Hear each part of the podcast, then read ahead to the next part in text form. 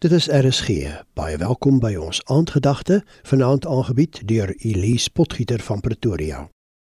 Goeienaand luisteraars.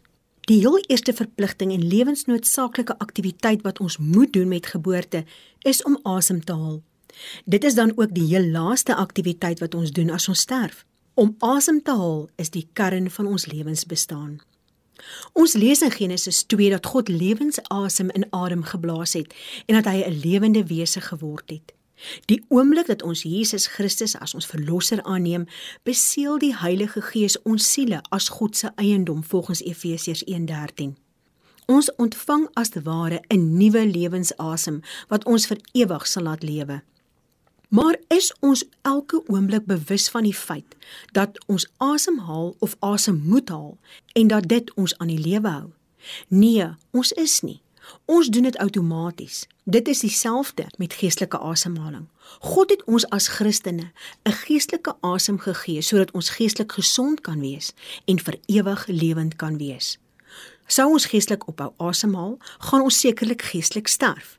Maar wat is geestelike asemhaling? Geestelike asemhaling is nie soos fisiese asemhaling. Jy asem skoon lug in en asem vuil lug uit. Dit is die verkeerde gedagtes, woorde, dade wat oomblik tot oomblik in ons lewens plaasvind. Of daardie kwetsende woorde wat ons uiter in 'n oomblik van woede. Dit is geestelike vuil asem wat ons uitblaas. Geestelike skoon lug is wanneer ons God ons Vader prys, dankbaarheid in ons harte koester vir al God se genade en guns wat op ons rus. En Jesus bedank vir wat hy alles vir ons bewerkstellig het aan die kruis. Geestelike skoon lug is ook ons wat ons sondes oomblik vir oomblik bely sodat God ons Vader ons kan vergewe. Dit is om die Heilige Gees weer in beheer van ons lewens te sit sodat hy ons kan help om ons gedagtes en woorde en dade binne sy wil te hou.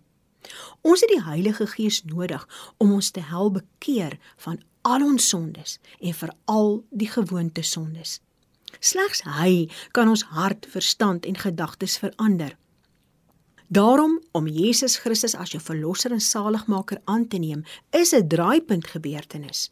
Tog moet ons altyd in gedagte hou dat ons daagliks die ou wêreldse mens moet afsterf en in Jesus Christus moet groei.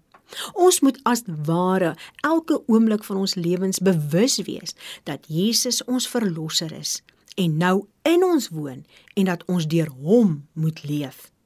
Dus moet ons konsentreer om meer gereeld geestelike vuil asem uit te blaas deur God vergifnis te vra vir dit wat ons oortree het sodat ons weer geestelike vars lug kan inasem en ons lewens weer in beheer van die Heilige Gees kan sit.